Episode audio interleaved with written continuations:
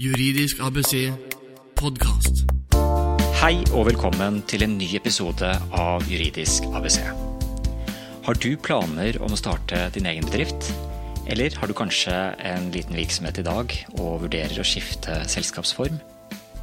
I dagens episode skal vi snakke om de forskjellige selskapsformene vi har, og hva som skiller disse fra hverandre, f.eks. med tanke på personlig ansvar og skattemessige spørsmål. Mitt navn er Eivind Arntzen, og jeg er programleder på Juridisk ABC. Med meg i dag har jeg min gode kollega her i Daland advokatfirma, Hans Petter Sverdrup.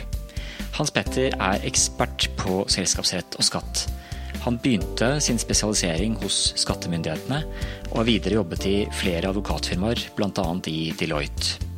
I dag bistår Hans Peter noen av Norges største selskaper, men også mindre firmaer og gründere med små og store juridiske problemer som klienter. Og med sin omfattende kunnskap og erfaring vet jeg ikke om noen andre som kunne være bedre egnet til å hjelpe oss med dagens tema. Hei, Hans Petter Sverdrup, og velkommen hit til Juridisk ABC i dag. Hei, takk skal du ha. Hyggelig å ha deg med her, sånn, Hans Petter. Og jeg vet at du jobber veldig mye med selskaper, bl.a. Du jobber med, med, flere spørsmål enn det også, bl.a. skatt. Og det kommer vi helt sikkert litt inn på i dag. Men fokus i dag er selskaper, og, og nærmere bestemt hva skal man tenke på hvis man skal stifte et eget selskap eller starte en egen virksomhet. Og For å begynne med å få litt sånn overblikk over dette temaet, kan du si noe om hvilke selskapstyper eller virksomhetsformer vi har å velge mellom uh, hvis, hvis, man er i den situasjonen? Det kan jeg. Altså Her er valgmulighetene uendelige. Vi, uh, vi kan jo kanskje konsentrere oss om de vanligste. Vi har jo da aksjeselskap, som er den vanligste benyttede foretaksformen, og også det vi normalt anbefaler. Så har vi såkalte ENK, eller enkeltpersonforetak, som eh, egner seg da for mindre eh, virksomheter. En eller gjerne én pluss en ektefelle. Så har vi eh, såkalte ANS, eller DA, selskapet med delt eller eh, begrenset ansvar. Og så har vi også hatt en del eh, NUF-er, norsk utenlandsk foretak. Mm. Det er vi på å si, langt på vei eh, gått bort fra her i, i, Norge nå. Det har vært en eh, sterk, eh, sterk nedadgående tendens de siste årene. Så vi skal ikke bruke så mye tid på det her i dag. Det er nuffer der som man gjerne får e-poster om, hvor det markedsføres hardt at man skal ha et postkasseselskap et eller annet sted, har jeg inntrykk av.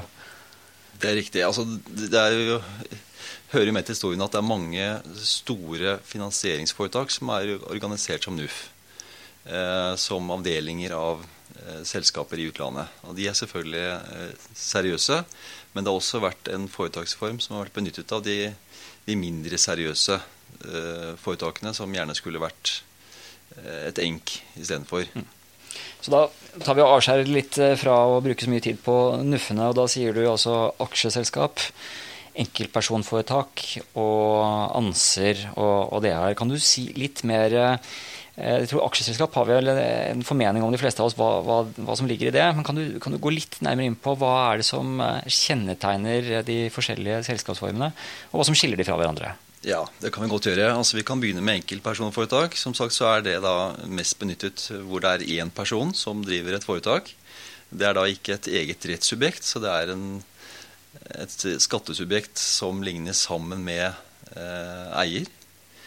Eh, man har muligheten til å drive sammen med eh, en ektefelle. Det er eh, relativt enkelt å starte opp. Små kostnader. Eh, den store ulempen når det gjelder enkeltpersonforetak, er at man er personlig ansvarlig. Vil si at man går inn med alt man eier. Hus, bil, hytter osv. Og, så og risikerer selvfølgelig også å tape dette om man skulle komme ille ut i virksomheten. Så hvis enkeltpersonforetaket går dårlig, eller, eller, skulle gå konkurs, da, så går man også personlig konkurs? Det er riktig. Det, det blir en og samme person. Samme, samme lommebok? Samme lommebok. Eh, så det, det, er risikoen. Så hvis man skal drive av en viss størrelse, så, så kan det være for risikofylt å drive som enkeltpersonforetak. Eh, fordelen er at man har muligheten til å drive med underskudd. Altså det kan være en grei foretaksform å starte opp med. på den måten at man eh, ikke etablerer for store kostnader. Mm -hmm.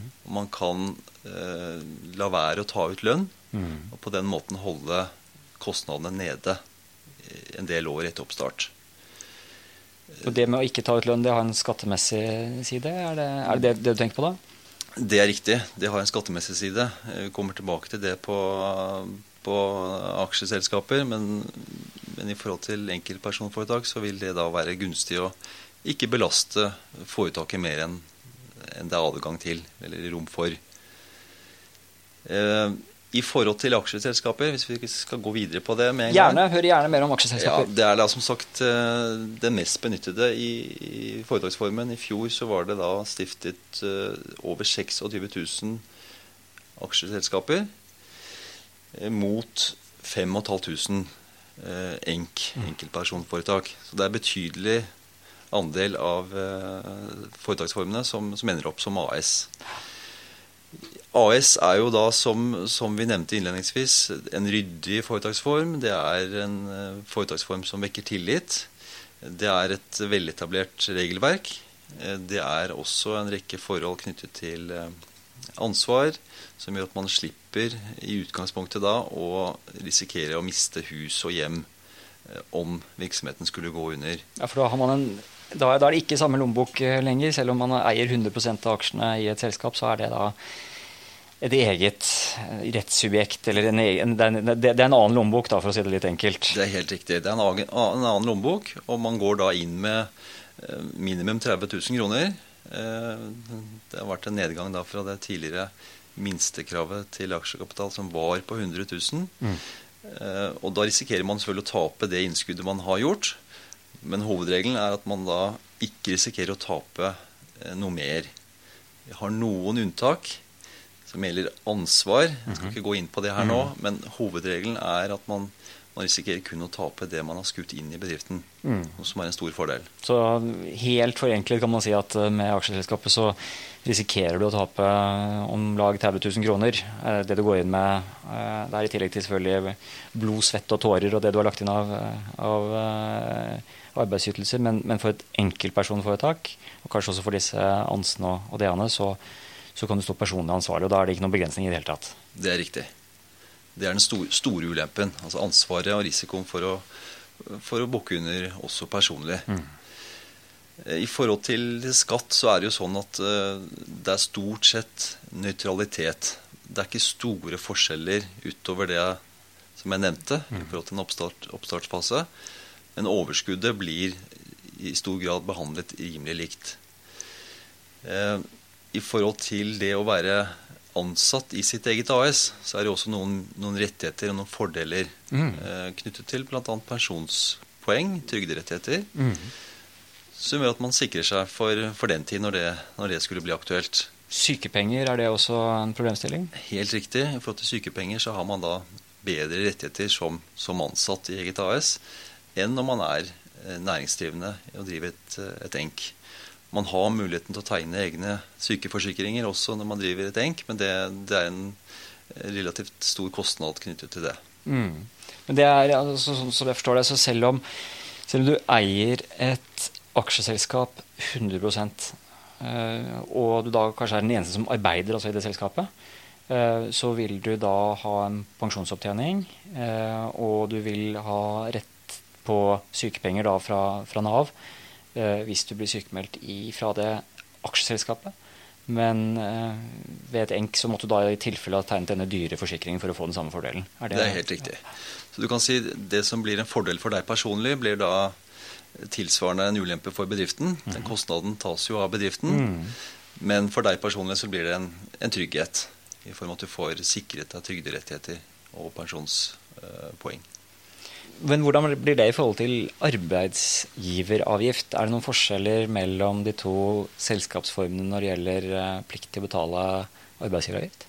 Det er det. Altså der er det sånn at For aksjeselskap så er det plikt til å betale arbeidsgiveravgift. Den plikten er da ikke eh, heftet ved enkeltpersonforetak og såkalte ANS og DR. For, eh, med mindre det, det, tas ut som egen lønn. Mm. Man er ansatt. Så det, det, det er en liten, liten kostnad der, men, men allikevel eh, Det er ikke noe som rokker ved din, din anbefaling om å velge AS som selskapsform? Det er, det er ikke det. Det er en annen fordel eh, skattemessig i, i valget av et aksjeselskap. Og det er at man, man har adgang til å spare overskuddet i bedriften. Mm. I et enkeltpersonforetak så vil man i større grad løpende beskatte av overskuddet. I et aksjeselskap så er det sånn at man kan du ta ut deler av overskuddet som lønn. Det beskattes selvfølgelig løpende. Men man kan velge å ta ut utbytte om det er adgang til det. Eller man kan velge å la det være i bedriften. Mm. På den måten så har man større adgang til å spare opp overskuddet for eventuelle nye investeringer og, og vekst i selskapet.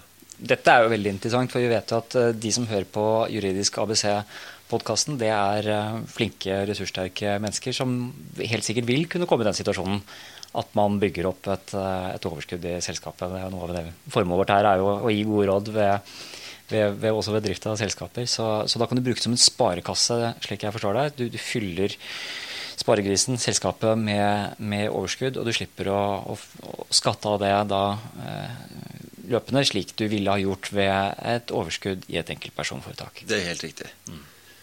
Så det er en, eh, en, gunstig mulighet man har til å, til å, spare opp til videre vekst. Helt klart. Vi har vel vært inne på dette med, med ansvar, og det er vel i vår vurdering av valg av selskapsform, så er dette med ansvar eh, ikke en ubetydelig faktor. Nei, Vi advokater er jo paranoide når det gjelder ansvar. Man prøver alltid å, å unngå at klientene får noen eh, ansvarsproblematikk. Det er riktig. Så det, det, er vel, om ikke det avgjørende, så blant de, blant de, avgjørende faktorer sammen med den tilliten som er knyttet til, til AS. Mm. Eh, det er som sagt en del regler og plikter som ligger i, i forhold til aksjelovgivningen, som gjør at man, man, har en tillit til at de drives noe mer seriøst f.eks. enn disse eh, NUF-ene og, og, enkelte av enkeltpersonforetakene. Men er det i disse reglene er det, er det noen, hva skal si, noen, noen rutiner og formaliteter og detaljregler som gjør at uh, det blir mye mer administrasjon med å, å drive et aksjeselskap i forhold til lenke? Det blir noe mer kostnader ved et aksjeselskap. Det gjør det.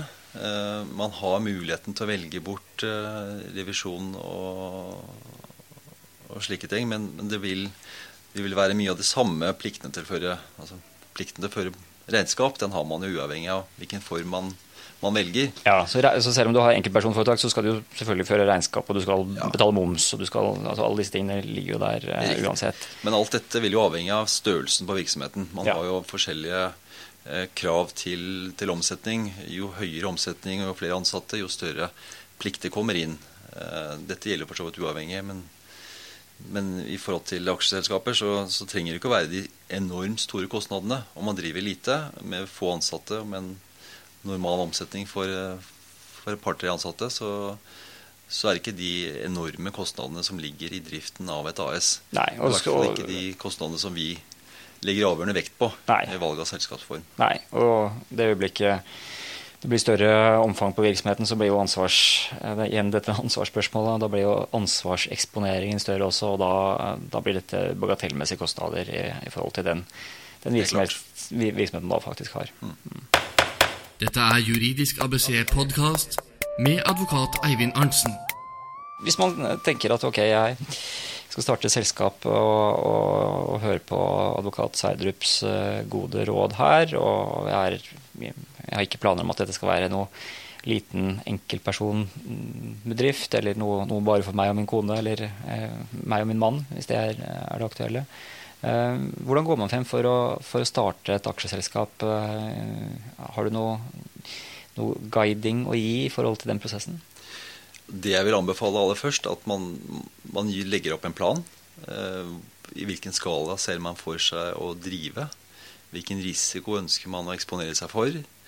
Eh, og så anbefaler jeg at man tar kontakt med, med en rådgiver eh, for å gjennomgå dette her og finne ut hva som passer aller best. I forhold til aksjeselskap så er det da relativt enkelt å få gjort dette her via Altinn. mm -hmm. elektronisk registrering. Noe som vi bistår med ofte.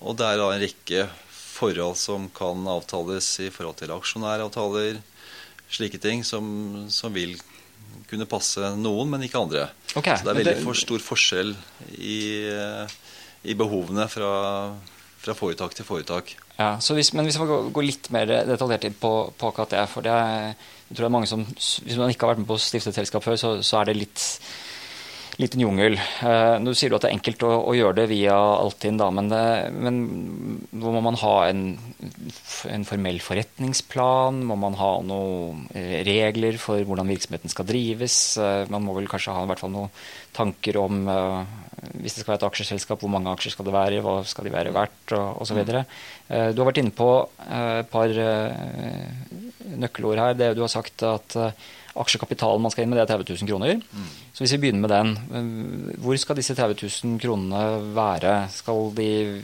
være i banken? Skal, de, man, skal, de, skal de, være en konvolutt? Altså, hvordan gjør man det sånn rent praktisk? Ja, Det har blitt relativt enkelt nå etter de nye endringene som, som kom for, for, en tid tilbake. Da har man muligheten til å sette 30 000 på en konto. Mm -hmm. Få en bekreftelse fra banken på at de står sperret i påvente av stiftelse av et aksjeselskap. Mm -hmm og legge dette ved i forbindelse med innleveringen av, eh, av papirene til Brønnøysund. Ok, Så det, er, det, kan man ta ganske raskt. Man snakker med bankforbindelsen sin, for å opprette en ny konto, setter inn 30 000 kroner riktig. og har dokumentasjon på det. Standard. Det er, eh, si, Skjemaet er jo som, eh, som mange andre relativt greit. Det som er viktig å, å, å tenke på, er jo si, tingene imellom. Mm -hmm. Selve stiftelsen er ikke problemet. Det er å tenke på, på omfang, på avtaler. Akkurat. Selvfølgelig størrelsen på innskudd. Eh, sånne ting. Juridisk ABC podkast.